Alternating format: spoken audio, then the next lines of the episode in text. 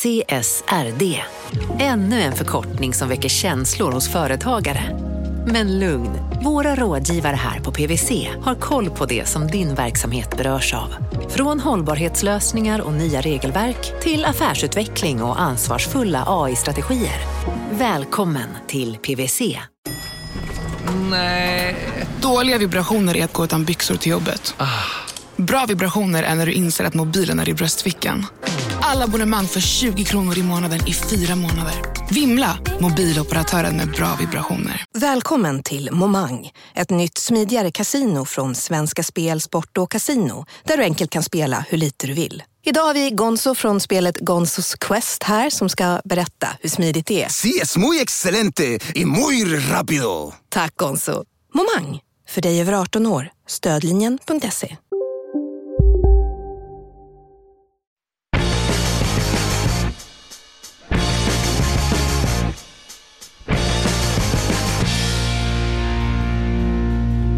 Stökig vecka för bitcoin.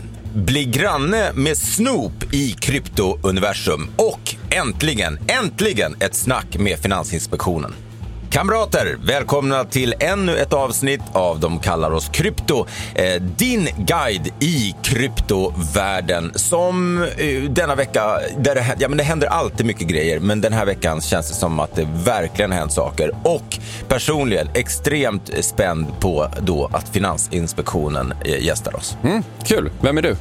Jag heter Mårten Andersson och är komiker, entreprenör och kryptoentusiast. Och vem är du? Jag heter Gunnar Harjus. Inte komiker, men ekonomijournalist i alla fall. I alla fall det, mm. och inte bara så lite så. Eh, Gunnar hör ni normalt i den väldigt härliga podcasten Kapitalet. Men här då, som, eh, som namnet skvallrar om, så är det fokus på absolut ekonomi. Men om man är ny i podden, så det vi gör här, det är att vi fullt fokuserar varje torsdag på kryptomarknaden. Mm, exakt. Uh, får jag lägga till en sak på din presentation den här veckan? Mm. Världsmedborgare. Mm -hmm. Du flänger runt så det, så det står härliga till. Ja, eh, jag ligger inte högt upp på Gretas lista tror jag över på svenskar hon, hon vill fira jul med. Eh, nej, men jag har rest en hel del har jag gjort, men det beror lite på att min familj, min nya familj då, min egen lilla familj är delvis från Serbien. Mm. Och sen så har vi ägt ett hus i Marbella som jag var nere och, och sålde och tömde här i dagarna. Just det. Anledningen till att jag tar upp det här överhuvudtaget är att um, Eh, eh, du kommer vara med lite mindre i det här avsnittet än, än i vanliga avsnitt. Ja.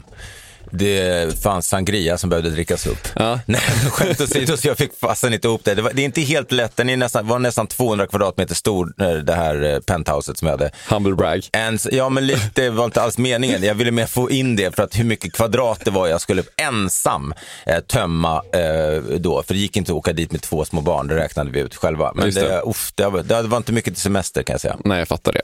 Det, det är inte bara du som har haft en stökig vecka. Det är ju liksom lite så det generella lynnet i kryptovärlden också. Ja, eh, bitcoin har haft en tuff vecka eh, och eh, Olsen hade ju en ännu sämre vecka, som det alltid blir när bitcoin The king is shaking, the, the, the peasants are shaking even more. Ja. Något sånt. Men ehm, det blev inte alls som Plan B och många andra trodde. Eh, Q4 är ju, det är inte asmycket kvar av den. Även om det finns många teorier jag läser och hör om att bullmarketen bara kommer fortsätta, så börjar i alla fall jag mer och mer känna att eh, det är ingen idé att lyssna på alla de här killgissningarna. Eh, Bitcoin bestämmer, vad den vill, det är så det blir. Mm -hmm. Jag skulle säga att under den här skakiga tiden som i alla fall det jag tar med mig, det är nog eh, ett stort mått ödmjukhet.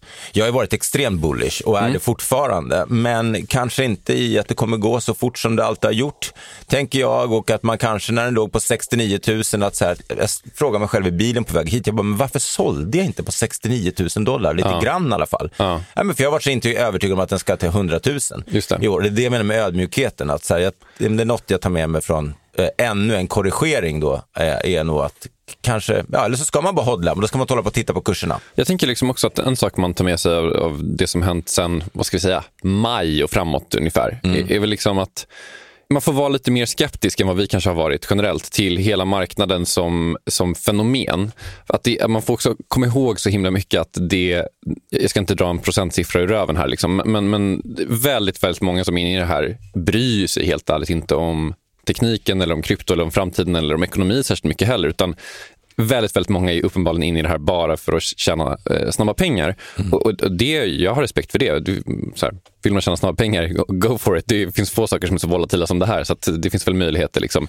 Men, men, jag tror inte man ska liksom läsa in allt för mycket i typ så, nu har ytterligare 10 000 personer köpt krypto i Sverige eller nu har det här Man säger, ja, men, men vad är de in it for? Liksom? Jag tror man får, får tänka lite mer på det. Jag tycker det är helt rätt. Eh, för det alltså, vil, vilka är det som är inne i det? Precis. Och hur, hur ser deras eh, tradingmönster ut? Och då, jag tror att det är därför inte de här prognoserna och profetiorna som alla de här eh, oraklen kommer med stämmer. Därför att det är en helt annan marknad. Den här bull marketen, en sak kan vi konstatera oavsett hur mycket man kan. Den här bullmarken påminner ju, hittills i alla fall, ingenting om 2013 och 2017. Nej, bullmarket bara för att eh, vara extra inkluderande idag eh, är ju alltså när marknaden är, går uppåt. Eh, ja, när tid. Bulls eh, vinner över Bears, när, när tjurarna vinner över björnarna, eh, eller hur man nu ska se det, när det är uppåt, uppåt, uppåt. Vilket det har varit för vissa coins, men, men eh, bitcoin och ethereum och även total market cap har ju fått sig eh, rejäla törnar den sista tiden. Mm. Du, eh, vi har ju ett lite speciellt avsnitt idag. Ja. Finansinspektionen kommer hit, inte hela, vi tog inte med hela huset, men en person från Finansinspektionen ja. kommer hit. Per Nordqvist heter han. Vi ska väl komma dit så småningom. Är det någonting du, du liksom så vill att jag ska ta med mig in i den här intervjun? Ja, eftersom jag inte är på plats så, så får du gärna göra det. och jag menar, vi vi, har pratat lite du och inför det här och jag är helt övertygad om att du löser det här alldeles exemplariskt. Det framförallt jag vill veta är ju vad de har för hållning till, till kryptovalutor och, och varför. Och eh, hur de ser på det här med bankerna. Det är många som har hört av sig om det också, att, att, att banker kan få um, spärra konton för att, eh, alltså det känns som storebror ser dig förmynderi. Och sen kanske också såklart regleringar och massa annat, men, men var, var tror de att, att Bitcoin och company eh, kommer ha för roll och hur det kommer se ut eh, i framtiden, den närmaste framtiden i alla fall, i Sverige och kanske Europa? Mm, det ska jag ställa fråga om. Kanske kommer nämna någonting om den här debattartikeln också, vi får se. Ja, såklart. Det tänkte jag inte ens på i, i allt annat, men det är klart att den måste upp, för den, eh, den var ju vi några stycken som kanske inte var helt jätteimpade av. Nej. Eh, men du, innan vi kommer dit, eh, så, som vi redan sagt så har det hänt väldigt mycket. Kanske ett nyhetssvep då? Ja! Ännu en riktigt stökig vecka för bitcoin. Priset på världens största kryptovaluta har pendlat friskt de senaste dagarna och som lägst var priset nere på under 42 000 dollar efter en flash crush. Alltså en snabb dipp följd av en snabb återhämtning. I talande stund är coinen uppe över 50 000 dollar igen. Vad det här plötsliga tappet berodde på är fortfarande oklart. Många analytiker pratar om rädsla för den nya omikronvarianten av covid-19 och att kryptovalutor nu har en allt starkare korrelation med traditionella börser. När kursen var som lägst var bitcoins market dominance, alltså det totala värdet på världens alla bitcoin i förhållande till det totala värdet på alla världens kryptovalutor, nere i under 40 procent. Att mina bitcoin med vulkanenergi är dyrare än att göra det med olja. Det säger Ricardo Navarro, en av El Salvadors ledande ekologer i engelska The Telegraph. Navarro menar att geotermisk energi fortfarande är mycket dyr att utvinna och att president Nayib Bukeles ansträngningar kan komma att leda till att landet investerar mer i olja eftersom det helt enkelt är billigare. Navarro kritiserar också planerna på Bukeles Bitcoin City och säger att eh, planerna att lägga den vid en vulkan är poänglöst. Att bygga den här staden bredvid en vulkan är som att tro att du är rik för att du bor bredvid en bank, säger Navarro. Rättegången mellan Craig White, mannen som hävdar att han är Satoshi Nakamoto och Daniel Claymans efterlevande har fått sitt slut. Clayman-lägret har hävdat att White har förskingrat bitcoin till ett värde av 25 miljarder dollar och det spekulerades i om rättegången en gång för alla skulle reda ut om Craig White är Satoshi Nakamoto. Något sånt kunde dock inte domstolen slå fast. Däremot dömdes White att betala 100 miljoner dollar till Claymans dödsbo. En tomt i Snoop Doggs metaverse, Snoopverse, såldes i veckan för 450 000 dollar. Snoopverse är en del av det större projektet Sandbox och den sålda tomten gjorde den nya ägaren till digital granne med rapparen. Snoop själv kallade köpet för ett fynd. Det var nyheterna. Ja, det var det. Eh, är det något liksom så Eh, vill prata om extra? Du sa, du sa att du har kollat in Sandbox lite grann. Ja, Sandbox är ju eh, ett av alla bolag som håller då på med det eh, mest hypade de senaste veckorna och förmodligen det som kommer vara mest hype framåt, om jag får killgissa. Och det är metaverse. Ja, just det. Eh, Det är där Facebook vill in och vill byta namn då från Facebook till Meta och du har Decentraland och Engine Coin och ja, det finns hur många som helst. Eh, Och, eh, i Metaverse då så finns det olika delar där man kan köpa länder eh, och tomter. Och vi rapporterade det i förra avsnittet, en rekordförsäljning i, i Vad var det? Var det två miljoner dollar eller fyra miljoner? Ja, det var helt galet. ja. Ja. Eh, Och det där tror jag bara kommer bli mer och mer vanligt, att du köper alltså real estate precis som, som där, i rätt land, i ett spel där du kommer kunna gå med VR-glasögon eller vara i en AR-miljö eller i vad du än vill, gå omkring där med dina wearables, alltså digitala kläder som du har köpt, eh, antingen som en add-on när du varit inne i en fysisk butik typ och så får du lägga till, vill du också ha de här kläderna i metaverse eller så köper du dem bara där. Men, men eh, gå omkring där då och du är granne med Snoop och, och du hänger liksom, det, det är klart som fast, det, det är ju otroligt intressant. Just det. Samtidigt som man måste komma ihåg att fan vad man vet att det är några som kommer gå bort sig så totalt i det här också. För att jag menar så här, så många metaverser som vi ser redan. Alltså så här, rimligtvis så kommer inte, vi kommer inte ha 2000 metaverses, liksom, för vem orkar hålla koll på det? Så någon kommer ju gå bort sig och köpa en tomt för liksom 10 miljoner dollar och sen så kommer det projektet läggas ner fyra månader senare. Alltså, Ja, ja. Sådana stories kommer ju garanterat att nås av eh, kommande tiden. Det är därför man köper där Snoop Dogg har gått in. Alltså för jag tror på riktigt eh, att hype är ju, hype kan komma fort och försvinna så fort, men ska man gå in i någonting, det är som du kollar på Board Ape Yacht Club nu, eh, den absolut mest kända skulle jag säga i alla fall, eh, till- ja, möjligen CryptoPunks också. Ja. Men där har du ju extremt mycket kända människor som har köpt, eh, som man läser bara om nya liksom, världsstjärnor som är nu, nu i den klubben. Så att jag tror på lite hype, så ska man köpa någonstans så kanske det inte är så dumt att köpa där Snoop är granne, så kommer någon annan och köper och då är det, liksom, det är klart man vill hänga där. Det är som att köpa in det liksom i Hollywood eller Beverly Hills fast för en, fortfarande en spottstyver av att vara granne. Plus att det kommer bli virtuella städer såklart och eh, med kasinon och massa annat. Så att eh, hype is temporary, Snoop is forever, hälsar Morten Andersson. Eh, I nyhetssvepet, Ja. kan vi inte bara prata om den här Craig White? Jo, verkligen. Det kan vi absolut göra. Är Va, ju, vad är din magkänsla kring det där? alltså, han är ju en person, ska vi bara ta jättekort backstory. Han har hävdat i många år att han är Satoshi Nakamoto, alltså mannen som skrev eh, bitcoins så kallade white paper och minade de första bitcoinsen. Och ehm, det här handlar ju mer om än, än bara cred, utan eh, det finns ju liksom på papper att Satoshi Nakamoto äger också en fruktansvärt stor mängd bitcoin, vilket skulle göra då den faktiska Nakamoto väldigt, väldigt rik. Det här är en pseudonym, ingen vet exakt vem det är. Craig White är en av flera personer som har hävdat att det är han och han var bevisligen väldigt tidig in i bitcoin. Han är en typ av person, jag har sett lite dokumentärer om honom och sådär, en person som hela, hela tiden hävdar att han inte vill ha uppmärksamhet. Men för att vara en person som hävdar att han inte vill ha uppmärksamhet så ser han till att få väldigt mycket uppmärksamhet och det gör mig misstänksam. Ja, och eh, jag blir så glad att du säger det här, för det här ju- går ju helt i linje med hur jag tänker. Alltså, det finns ju en myt, alltså min magkänsla kring Satoshi Nakamoto är ju att han var en person som absolut inte vill ha uppmärksamhet. Då hade han väl skrivit från början, om han, om han såg framför så här, eh, fame and glory, så hade han väl gått ut ganska snabbt och sagt att det var jag när det väl började bli succé. Visst. Men nu kommer man ut och, jag vet inte, jag ska inte säga att, han känns inte som att han heter Satoshi, han hade aldrig kommit på Satoshi Nakamoto, den gubben. Nej. Han känns mer som att han heter Craig. eh, liksom. Det vill man ju inte. Nej, nej, nej. Sorry Craig, Craig men eh, you're not my Satoshi Nakamoto. Hörru du, nu är det dags för den stora intervjun då. Mm. Eh, och nu är jag inte här. Men det känns, det känns både tråkigt och eh, spännande. Mm. För nu kan jag bara luta mig tillbaka då och njuta av den här intervjun som kommer. Ja, det kommer här. Jag har ingen sån fet eh, introduktion som du brukar göra med, med liksom hype och sådär. Det är lite mer lågmäld introduktion. Okej, härligt. Men den kommer här. Per Nordqvist, Finansinspektionens biträdande chef för området bank och ansvarig för Finansinspektionens innovationscenter. Varmt välkommen hit. Tack så jättemycket. Hur är läget?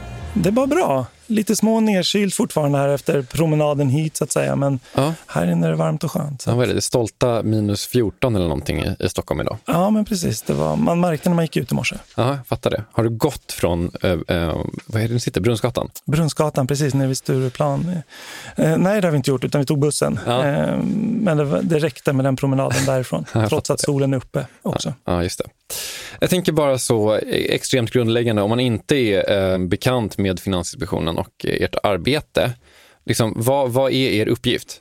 Vi är en myndighet eh, un, som lyder under riksdag och regering då, såklart, eh, och har ett väldigt tydligt specifikt uppdrag i att värna finansiell stabilitet, högt skydd för konsumenter och välfungerande marknader. Och sen för 2020 så tydliggjordes det här också att vi har ett extra uppdrag i att eh, den finansiella sektorn ska bidra till en hållbar, eh, ett hållbart samhälle helt enkelt. Om du liksom eh, inte sitter i en intervjusituation och någon ställer den raka frågan, utan typ träffar någon på en middag och någon Just- frågar vad gör FI egentligen? Vad Mm. brukar du säga då? Då brukar jag svara så att vi, vi dels skriver vi vissa regler som eh, finansföretag måste följa och sen bedriver vi tillsyn över att de bolagen följer de reglerna. Så att, eh, bara så att vara supertydliga, ni skriver regler och följer regler. Hur mycket, hur mycket av de reglerna som ni följer och ser till att de följs har ni skrivit själva och hur mycket har liksom typ så riksdag och regering skrivit? Ja, Men det är lite olika, eh, så det är svårt att säga en siffra så för att dels så kommer så mycket av regelverket i finansbranschen från europeiskt håll. Så att vissa är ju eh, reglering från EU-håll helt enkelt som vi måste följa och tillämpa. Men sen en hel del lagar då från eh, riksdag och regering. Men vi har föreskriftsrätt kallas det då som vi själva kan lämna ut föreskrifter för. Och i hela det här så är det ju så att vi beviljar tillstånd för att få verka på finansmarknaden. Och det yttersta verktyget vi har i vår tillsyn är att återkalla ett tillstånd om bolaget inte har eh, skött sig. Så att säga. Mm, just det. Ehm, och, och då, då har du två fina roller här då. Eh, biträdande chef för området bank och eh, chef ansvarig för innovationscenter. Av de två rollerna, är det någonting som förhåller sig till liksom, eh, eh, kryptovärlden särskilt?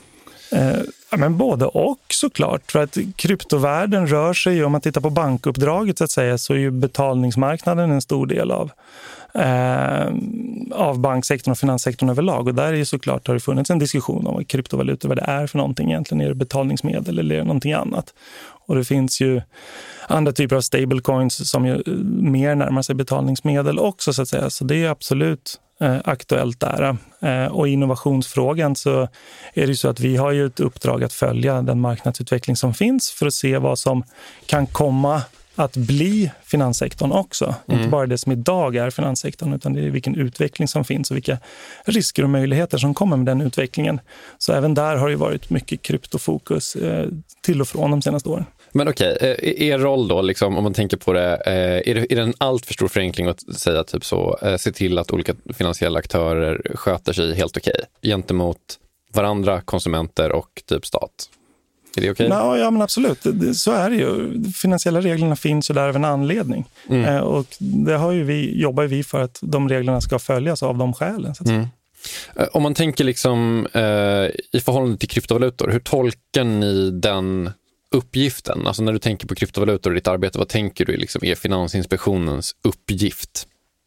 Ja, dels så är det ju så att det är inte hela kryptotillgångssektorn eh, som står under vår tillsyn. Det ska vi ha klart för oss först. så att säga. Utan det är ju, än så länge så är det ju delar av, av den som är under vår tillsyn. Till exempel de som växlar mellan vanlig valuta, fiatvaluta och kryptovalutor. De står under eh, tillsyn av oss. Framför allt vad som gäller penningtvättsregelverket. Men sen stora delar av den här sektorn är ju inte under vår tillsyn.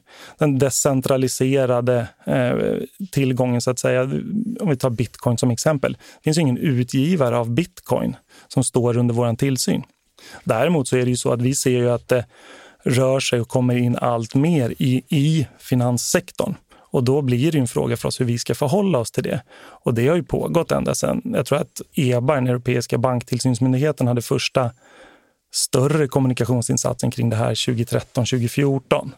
Så att det gick några år först så att säga i, eh, undanskymt. Så. Eh, men sen dess så har ju finansiella tillsynsmyndigheter och reglerare tittat åt eh, kryptotillgångshållet för att se okay, vad, vad är det här för någonting och vad behöver vi göra för att det inte ska hota våra övriga mål vi har. Mm. Du nämnde penningtvätt. Det är en sån grej som man jag tror förknippar ganska mycket med, med FI. Eh, och ehm, när vi bad om, om, frågor från lyssnare så var det liksom eh, 90 Nej, det är faktiskt 100 procent tror jag av alla eh, frågor som var eh, seriöst ställda var, handlade om penningtvätt. Och eh, det finns en formulering som återkommer i, i princip varje så, eh, liksom statement som Finansinspektionen gör som är kopplad till kryptovalutor och det är att det, krypto är vanligt förekommande i penningtvätt och finansiering av terrorism. Hur liksom relevant och aktuell skulle du säga att den formuleringen är? Eh, nej men det är de siffrorna vi ser från det är den synpunkten vi har från vårt arbete och våra dialoger med polisiära myndigheter, både nationellt och internationellt. Mm. Och där kan man titta, gör man det enkelt för sig så kan man titta på de ransomware-attacker som har varit, så att säga. De är ju ofta kopplade till att du vill ha en betalning i kryptovaluta. Mm. Och det finns det väl skäl till, så att säga. Just det. Vad tänker du att de skälen är? Att det finns en... Det har varit och är till viss del svårare att spåra för det finns en högre grad av anonymitet eh, i kryptotillgångar. Men man skulle kunna argumentera för, tänker jag, om man tänker på liksom så här, eh, syftet med att ha en, en inspektion, om man tänker att liksom medborgare som i slutändan är de, jag gissar att Finansinspektionen arbetar för, liksom att okej, okay, om det finns penningtvätt som ett visst antal individer håller på med, så är det primärt ert problem, inte personer som vill hålla på med kryptovalutor på ett lagligt sätt. Nej, men det här, absolut. Men det här är ju svårt, så att säga. Finansiering av terrorism och penningtvätt är ju ett reellt problem. Det är ju någonting vi som samhälle inte vill se, för det orsakar väldigt stora problem. Så det måste vi ha klart för oss, att vi gör ju inte det här äh, för att vi tycker att det är roligt att jävlas med kryptofolket. Utan vi gör ju det här av goda skäl, så att säga. Äh, och här har ju bankerna ett väldigt stort ansvar och de då växlarna som står under den här eh, regleringen. De har ett väldigt stort ansvar att känna sin kund och veta varifrån pengarna kommer och vart pengarna ska någonstans. Och det är just för att vi vill motverka penningtvätt och finansiering av terrorism. Mm. Och de reglerna är ju de samma för kryptotillgångar som för vanlig valuta. Mm. Men, men det är ändå relativt många som har hört av sig. Alltså, jag trodde inte det här var så vanligt helt ärligt innan jag bad om frågor. Men att eh, folk eh, har fått sina bankkonton eh, spärrade med liksom, hänvisning till penningtvätt. Och, liksom, det är ändå någonting som går ut över ja, men, vanliga människor som vill typ, jag menar, äga lite bitcoin. Typ. Mm. Tycker du det känns rimligt? Ja, men vi förstår att det här blir ett problem för vanliga människor. Och det är inte bara när det gäller kryptotillgångar utan det är ju generellt de kraven vi sätter på finansiella aktörer för att känna sin kund och kunna se ursprung och vart pengarna är på väg någonstans. Det blir, ibland hamnar konsumenter i kläm här. Så är det. det. Det ser vi också och det är inte bra. Däremot så är det ett stort ansvar som åvilar bankerna just för att ha den här kundkännedomen. Och regelverket är uppsatt så att om du inte kan uppnå den kundkännedomen, då måste du avsluta den kundrelationen för då får inte då ska inte transaktionen gå igenom. Men kan man inte tänka sig att man, man skulle kunna ändra på någonting. Om det här ändå någonting som du säger går ut över, det är inte bra, det går ut över vanliga människor. Varför finns det kvar? Eller var, varför kan man liksom inte ändra på någonting? Jo, men därför att i stora helheten så är det där av ett syfte så att säga. Eh, så att jag tror inte att vi, vi, vi kommer inte säga att nej, du ska ta bort penningtvättsregelverket för X eller Y. Nej. Det tror jag ingen vill så att säga. För att som jag sa, penningtvätt är ett reellt problem i Sverige idag. Och det måste vi hantera, det måste den finansiella sektorn hantera. Sen så finns det ändå enskilda konsumenter, eller fler än enskilda också, så att säga, men som, som hamnar i kläm, som ni har hört från era från era frågor. Så så är det absolut och det förstår vi och det känner vi att det är ett problem. Däremot så är reglerna vad de är av goda skäl och de är vi där för att tillämpa. Ehm, jag fick en annan, en annan aspekt av den här grejen handlar om eh, vad ska man säga, en mer tydlig kanske konkurrensfråga som väl är att om man, blir, eh, om man får sitt konto stängt för att man har eh, dealat bitcoin, alltså det som händer i princip är ju att en svensk bank förbjuder en växlare, alltså en, eh, en, en hemsida där man köper bitcoin om man förenklar väldigt mycket.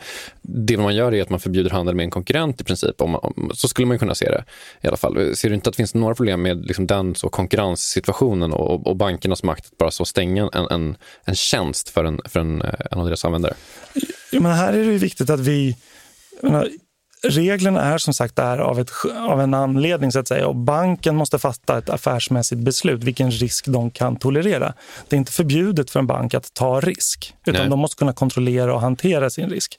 Men om de bedömer att de inte kan det, då kan inte vi gå in i enskilda fall och säga att eh, ni borde göra si eller så, för det är inte vår roll utan det är ett affärsmässigt beslut för banken. Vi kan kontrollera efterhand att de har gjort det de ska för att uppfylla regelverket. Men upplever du liksom generellt att penningtvättregler kopplade till kryptovalutor funkar bra i Sverige idag? Jag har ingen specifik uppfattning faktiskt huruvida penningtvättsregelverket är ändamålsenligt eller inte för kryptotillgångar.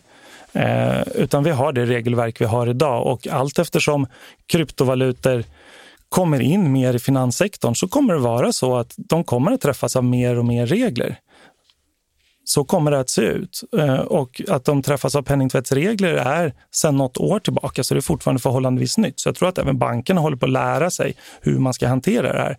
Så förhoppningen är ju såklart att de ska kunna göra en bra, relevant bedömning. Kritiker av det så penningtvättsnarrativet, om man får vara lite slängig, eh, brukar hävda att det snarare kanske grundar sig i okunskap från, från banker och, och reglerande myndigheter. Att det finns ingenting som är så lätt att spåra som, eh, som kryptovalutor och sådär. Hur ser du på den aspekten av allt det här? Ja, så framförallt så kommer det till en viss gräns. Eh, så kan du spåra i och med att en, eh, en kryptotillgång som bitcoin, där kan du se alla transaktioner bakåt i tiden. Så det stämmer ju absolut mm. att den är spårbar så. Men sen finns det ju andra kryptotillgångar som inte har samma transparens, så att säga, där du kan använda olika typer av metoder för att göra det väldigt mycket svårare att komma åt de här medlen från eh, brottsutredande myndigheter. Plus att du får en, du kommer ju också till plånboksnivå, så att säga. Mm. Den är ju inte kopplad till någon person. Nej, kan du, nu rör man sig in i något slags spekulationsterritorium här då, men, men kan du se en framtid där man har ett regelverk som funkar på ett annat sätt som gör att det skulle kunna vara lättare att koppla i Sverige, eh, en, en, en svensk, på en svensk kryptoväxlare, liksom en, en, ha krav på att man ska kunna eh, koppla en plånbok till en person eller sådär? Det är en väldigt bra fråga och jag tror att någonting som man får ha med sig allt eftersom det här kommer in mer och mer i finanssektorn och om det blir ett större och större fenomen så att säga. Nu kommer vi att få viss reglering eh, från EU-håll, MIKA kallas den förordningen, om något år. Så det är ett första steg. Än så länge har det ju varit i princip oreglerat. Kryptoskolan lektion 23. Vad är MIKA? Kryptovalutor är en speedrun i att upptäcka vilka bankregleringar som egentligen behövs. Och den senaste upptäckten kommer från EU och heter MICA, Market in Crypto Asset Regulation. Målet, enligt EU, är att man ska sätta konsumenten i fokus och är ett försök att strömlinjeforma reglerna kring krypto. Det ska sägas att det som regleras är kryptomarknaden, inte kryptovalutor. Till exempel bitcoin har inga centrala punkter och har inte någon utgivare, vilket gör det svårt, för att inte säga omöjligt, att reglera själva valutan. Istället fokuserar Mika på de aktörer som köper, säljer eller på andra sätt tillhandahåller kryptovalutor. Kryptobörser, växlare och liknande. Mika reglerar växling mellan fiat och kryptovaluta, byten mellan kryptovalutor och placeringar av kryptovalutor. En tredjedel av alla Mikas regler ägnas åt så kallade stablecoins och 26 av 168 sidor ägnas åt asset-backed tokens. En typ av kryptovaluta som knappt finns idag men som är det som Facebooks coin Libra var tänkt att bli. En av huvudpunkterna i Mika är att den innehåller ett EU-pass för kryptobolag. Så om du som kryptoaktör blir godkänd i ett land gäller licensen i hela unionen. Med andra ord handlar det i korthet om en reglering och en harmonisering. Så att det kommer att komma en ny reglering och den kommer också göra det bättre för de aktörerna. Det blir en kvalitetsstämpel till slut att du får ett tillstånd av Finansinspektionen för att verka på finansmarknaden. Mm. Om vi eh, stänger penningtvättdelen av det här, är det väl slängigt av mig att summera det som att ja, lite tufft för vissa, men eh, ändamålet helgar medlen här? Ehm, det får nog vara dina ord. så att säga. Jag kan inte göra en bedömning om vart den ribban ska gå eller inte. utan det jag kan konstatera är att bankerna har ett stort ansvar eh, att motverka penningtvätt och finansiering av terrorism. Eh, din chef, Erik Thedéen, eh, gick för några veckor sedan ut i ett, i alla fall i bitcoin-Sverige, väldigt uppmärksammat utspel. Eh, på DN eh, Debatt. Eh, han skrev att mining och proof of work-valutor som bitcoin bör förbjudas. Om man inte läser den artikeln, går det att summera liksom the key takeaways? Ja, men key takeaway är att eh, flera av de största eh, kryptotillgångarna idag bygger på en konsensusmetod som kräver enorma mängder energi. Och allt eftersom det här växer eh, så kommer det att börja hota de klimatomställningsmål som vi har i Sverige. Så där vill vi lyfta den här diskussionen och göra den mer publik för att se vad, vad kan vi göra här? Går det att göra någonting åt den, den här tekniken så att säga som är då proof of work? Eh, går det att göra mer, de mer modernare kryptotillgångarna som är nyare efter det här? Det är få av dem som använder proof of work utan de använder andra tekniker. Går det att göra en sån och få igång en sån diskussion så att säga för att eh, vi fasa ut en, en äldre teknik till förmån för, för mer energieffektiva tekniker? Det är ju en, om man bara får ha en kommentar kring själva formen, eh, debattartikel i DN där man säger att man bör förbjuda någonting. Det är ganska ovanligt för en generaldirektör för något statlig institution att gå ut och skriva en artikel av den här typen överhuvudtaget. Så jag tänker att man vad ska man, säga, man öppnar ju sig ganska mycket för viss kritik som jag tänker att man får ändå bottna i rätt mycket. Så jag tänker att det har nog gissningsvis föregått av ganska mycket analys det här, eller? Hur såg er Finansinspektionens analys in, ut Nej, innan? Absolut, och vi har ju gjort det här också i samarbete med Naturvårdsverket. Just det. Eh, så att det inte bara Erik, utan även Naturvårdsverket generaldirektör. Och det vi säger i den här artikeln är att vi vill utreda, eller att det ska utredas ett förbud för att se vad som är det effektivaste sättet. Mm. Och så här är det ju att samhället och finanssektorn står inför jätteutmaningar för att klara klimatomställningen. Och vi har ett uppdrag för att finansiella sektorn ska dra sitt strå till det här. Alltså då vill vi uppmärksamma den här frågan för att få igång den här diskussionen. Mm. Ett, en, ett sånt liksom nyckelord som eh, eh, återkom i, i artikeln var ordet samhällsnytta som, som många fastnade på tror jag. Eh, och, eh, jag kommer inte ihåg den exakta formuleringen nu men, men det är väl fair att säga att ni sa att det inte fanns någon samhällsnytta i proof of work-konsensusmetoden mm. Eh, och i, i förlängningen då i bitcoin. Är, är det fair? Eh, ja, precis. Inte, kontrast till proof of work, för där ser vi nog snarare att det kostar en enorm mängd energi. Där det finns andra likvärdiga eh, konsensusmetoder, så att säga, proof of stake till exempel, eh, mm. som andra kryptotillgångar har och som ethereum håller på att gå över till, eller försöker gå över till. Så, att säga. så där finns det någonting. Och så när vi ställer den minusposten i energikostnaden mot de fördelar som lyfts fram så ser vi inte att den ekvationen går, liksom kommer på plussidan i och med att vi också ser andra utmaningar med eh, kryptotillgångar i samhället idag. Vad menar ni med samhällsnytta? Vi menar med samhällsnytta här som sagt att vi gör den här uppställningen. Vi ser en enorm energikostnad och sen så försöker vi se vad vad har vi för system idag eh, och vad spelar kryptotillgångar för roll i det? Eh, och vad är rimligt att vi som samhälle lägger våra eh, resurser på så att säga? Just det, men det finns jättemånga ganska värdeladdade ord där. Ordet rimligt är ju till exempel ett sånt ord som är väldigt, ja, det är liksom erkänt svårdefinierat. Hur gör ni den definitionen? Vem gör den definitionen? Vem ger er rätten att göra den definitionen och så vidare? Ja, men det här är en debattartikel för att skapa en opinion där vi vill se att, att man utreder den här frågan.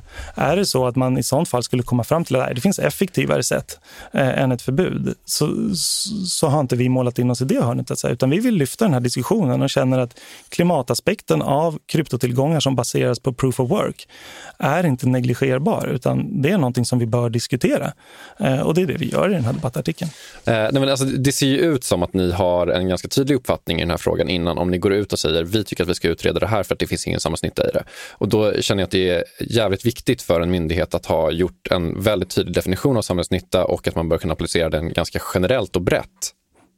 Ja, vi tittar ju på vårt uppdrag så att säga, som är inom finanssektorn. Och då, som jag säger så ser vi att vi har en stor kostnad här. Dels med vad, vad gäller energitillgången som ju den här artikeln fokuserade på, men även penningtvätt och konsumentskyddsrisker i de här eh, tillgångarna så att säga, som vi tycker att det är värt att lyfta upp. För att vi är en opartisk myndighet så att säga, så vi, behöv, vi, vi har ju också ett ansvar för att se att den diskussionen som sker inom våra, våra mandat så att säga är informerad. Mm. Sen behöver man inte alltid hålla med oss. Nej, nej. Och det, gör, det är det många som inte gör i många frågor så att säga.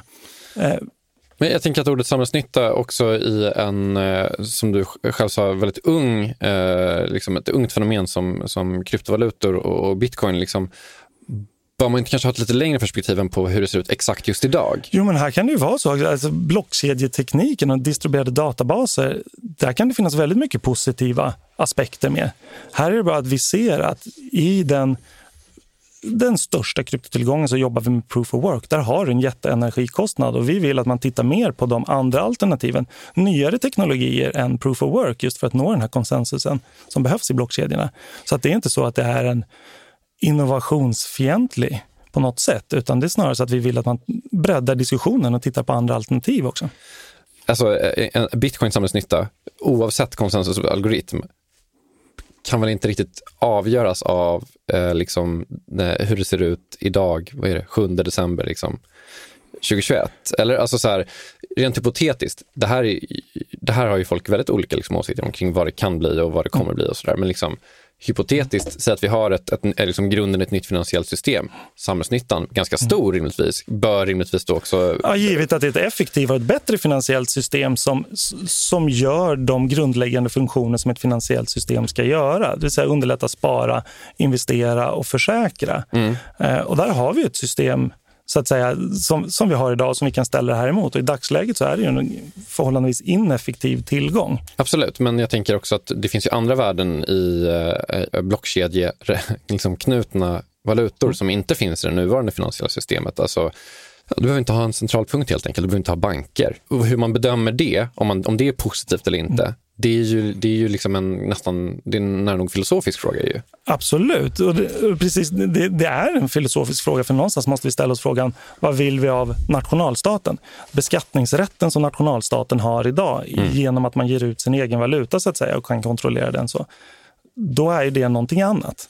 Men är det här frågor som ni tänker att antingen Finansinspektionen eller typ en statlig utredning ska kunna besvara? Vi tycker det är viktigt att ha den här diskussionen. Vi har ju en, en eh, utredning idag som är tillsatt som ska se på betalningsmarknadens framtid. Och man har tittat på Riksbankens roll. Så att jag tycker att det här är frågor som absolut förtjänar att diskuteras. Men Tycker ni eh, att det idag är så att uh, bitcoin mining i Sverige är liksom ett, det är ett betydande problem? Givet den energitillgång du har och den, de omställningsbehov vi har av vårt samhälle så vill vi inte se att en ineffektiv konsensusmetod används.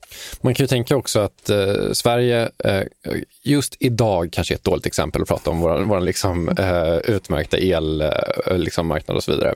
Det finns ju liksom väldigt mycket grön energi här. Det finns liksom ett relativt välutbyggt elnät. Alltså, så här, kan det inte finnas en, en poäng att man ska liksom locka innovativa bolag hit? Man kan liksom vara ett föregångsland här.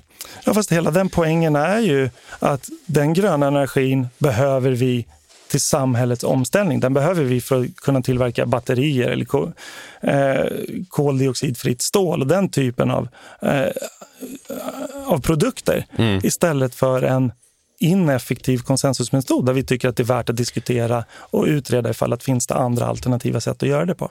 Men eh, där, där liksom ställer man det i relation till två andra saker som man också måste göra bedömningen av samhällsnyttan på. Till exempel, alltså, jag tror att de flesta är överens om att fossilfritt stål, kanon. Men liksom, jag vet inte. Och det är en Serverhall, serverhallar i Facebook, liksom, som ja, Facebook har uppe i Luleå. Ni, jag fattar att ni inte reglerar dem. Liksom. Men, men, eller tänker ni att i förlängningen bör man utreda alla saker som, som förbrukar energi. Liksom. Ja, men precis. Samhället står inför jätteutmaningar. Vi kommer behöva göra den typen av bedömningar eh, längre ner på vägen. Och då vill vi ha en sån diskussion för att se vad, vad är finanssektorns roll i det här? Och, och bara en gång rent konkret, så här, typ, vilken analys hade ni gjort på, på Finansinspektionen innan ni skrev artikeln? Du, du säger liksom, vi, vi förhöll det här till det här. Rent, lite mer mm. konkret, vad, vad, vad, vad, kollar ni på? Vad har ni gjort? Vad har ni läst? Vad har ni liksom gått igenom? Vi har tittat på olika källor som har skrivit och konstaterar var, vad eltillgången är, så att säga, eller vad energitillgången är för det här. Vi har haft en, en lång rad myndighetsdialoger med andra myndigheter på området, bland annat då Naturvårdsverket som vi skriver den här debattartikeln tillsammans med. Mm. Och, och det går inte att vara mer konkret än så, eller? Okay, men, och, går in på... Jag har ingen siffra. Jag, jag, jag kan inte säga att samhällsnyttan är 2,8 och kostnaden är 3,7 så därför blir det negativt. Nej men Exakt, det är lite det jag menar. Det här är extremt svårkvantifierbara mm. saker. Att kalla den här konsensusalgoritmen eh, för ineffektiv är ju att förhålla det till den andra stora som då är proof of stake, eh, gissar jag att det är det ni förhåller er mm. till. Är de exakt likvärdiga?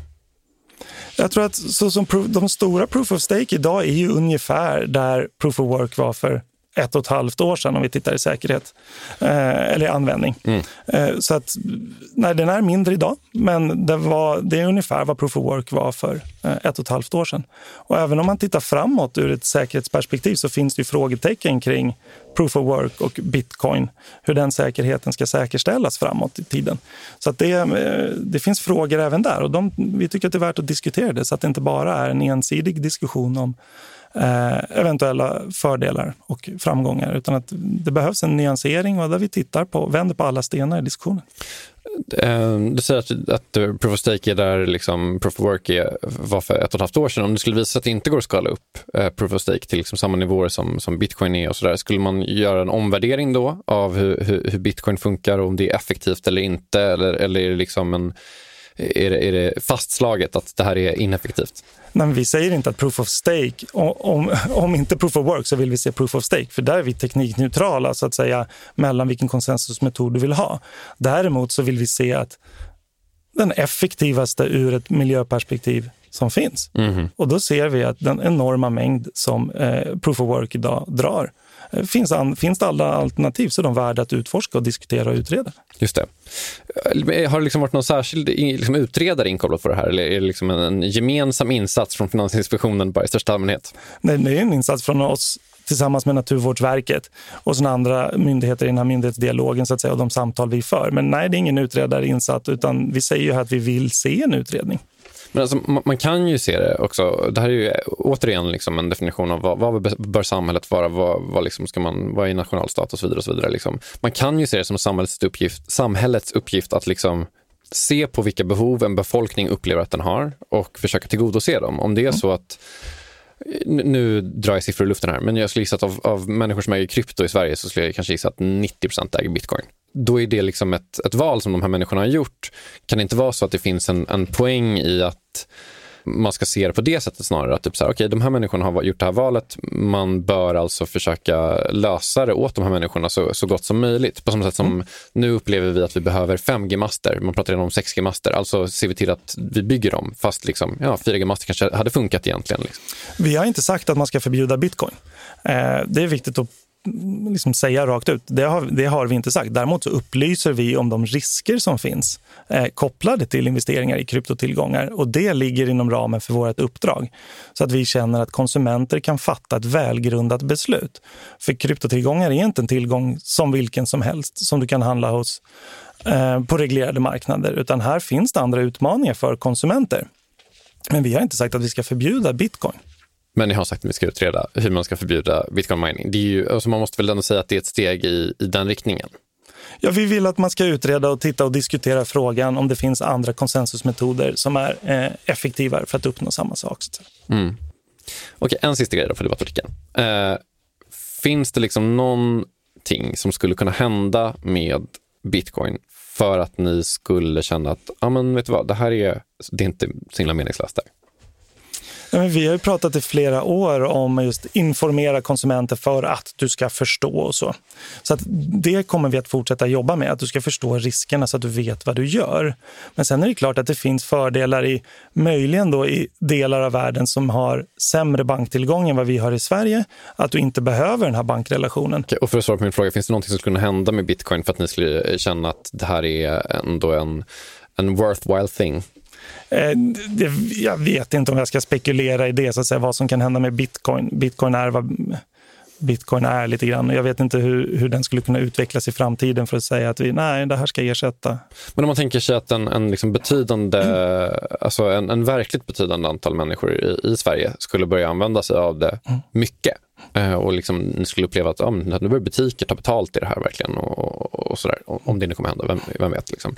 Eh, I något läge måste man väl ändå som FI tänka att så här, okay, shit, det här måste vi tänka på ett annat sätt. Ja, vi måste fortsätta följa utvecklingen och utvärdera. Så att säga. Vi, vi har inte, sista ordet är så att säga inte sagt, utan det här är ändå förhållandevis tidigt. Även om bitcoin som sådan har funnits över tio år, så att säga, men den spridning det har nu är ju nytt. Så det är klart att vi måste fortsätta att följa utvecklingen. Och där tas det ju steg nu för att göra, skapa en gemensam reglering på EU-nivå för att så att säga få de institutioner runt omkring, inte själva bitcoin, inte själva tillgången så att säga reglerad, men de verksamheter som ligger runt omkring så att de får tydligare regler att förhålla sig till för att liksom säkra upp systemet.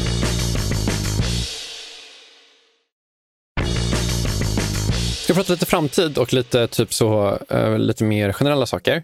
Jag tänker bara rent spontant att typ kryptovalutor för en finansinspektion i vilket land som helst egentligen bara måste vara typ det objektivt konstigaste som har hänt.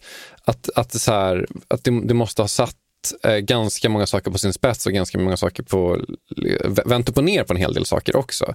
Eh, alltså, går, det liksom beskriva generellt liksom, typ så vad, vad kryptovalutors intåg har gjort för en, en institution som Finansinspektionen? Ja, men I dagsläget så har det inte fått en jätte jätteeffekt så att säga, på det finansiella systemet. För det är förhållandevis Ja, det är supernischat. Det är supernischat. Ja, ja, visst. Eh, så att än så länge så har det inte fått de jätteeffekter. Men blockkedjetekniken återigen har potential. Eh, så där, det är ju någonting vi måste följa. Men i dagsläget så sitter inte de allra flesta på Finansinspektionen så att säga och funderar på hur kryptotillgångar förhåller sig till den nuvarande bankregleringen eller fondregleringen. Utan det är inom vissa områden så att säga och då är det mycket konsumentinformation eh, och den här typen av hållbarhetsfrågor.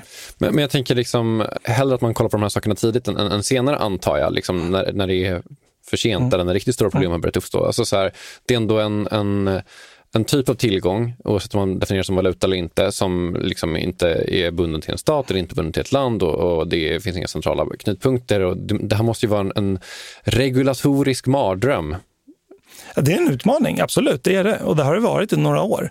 Eh, så vi har ju följt det här. Ehm, men innan det kommer in i liksom regleringen så ligger det utanför våra ramar. För vi har ju det uppdraget vi har, att värna liksom, stabiliteten och konsumentskyddet i den finansiella sektorn. Så innan kryptotillgångar är i den finansiella sektorn, då är det inte heller uppenbart att det är det vi ska lägga våra resurser på. så att säga. Det är ju in eh, delvis i den finansiella sektorn, mm. så att man kan köpa certifikat och så vidare. Hur, hur, ser ni på, på eh, den typen av verksamhet? Alltså, regleras det annorlunda? Tänker man annorlunda på det än, än vad man tänker på någonting annat? Det, det, är fler frågor man måste svara på innan man köper ett cert på Avanza än om man köper eh, ett certifikat av något annat. Ja, men precis. Mm. Så är det ju. Och det kommer ju delvis ifrån att vi har haft dialog och diskussion kring de här certifikaten. Dels har vi publicerat egna varningar för riskerna med certifikaten, eh, eller egentligen då den underliggande tillgången. Just för att konsumenter ska förstå vad det är man köper för någonting. Vi vill ju att konsumenten alltid ska fatta ett medvetet beslut, inte dras med för mycket i den senaste internethypen så att säga. Eh, utan att du ska kunna fatta dina välgrundade beslut. Mm. Möjligheten ska finnas där så att säga.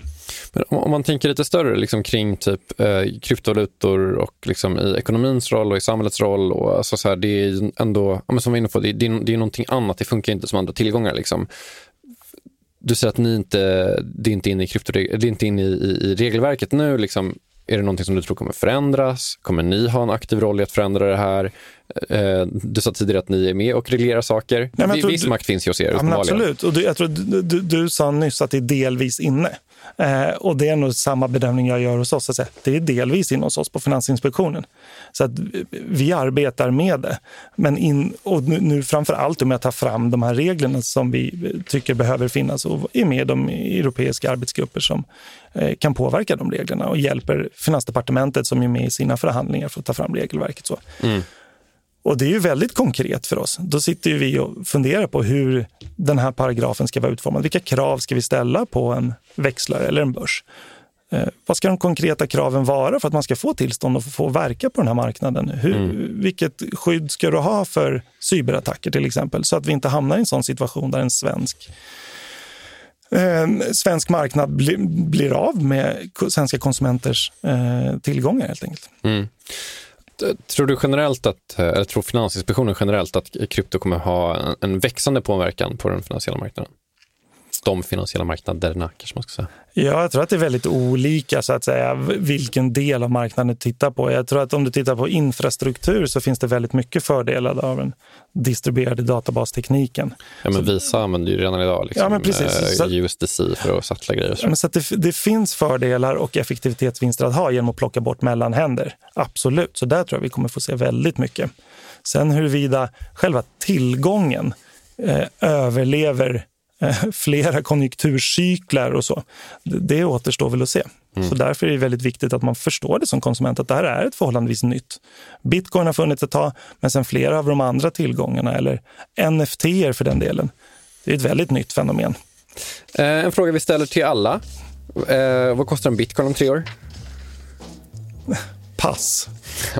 ja, ja. Per Nordqvist, du ska ha eh, stort tack för att eh, du kom hit. Och du är välkommen tillbaka om det kommer nya kryptoregleringar ja, men som tack. du vill prata om. Tack själva. Väldigt roligt att vara här och eh, då får jag nog själv återkomma helt enkelt. Toppen. Stort tack. Tack så mycket.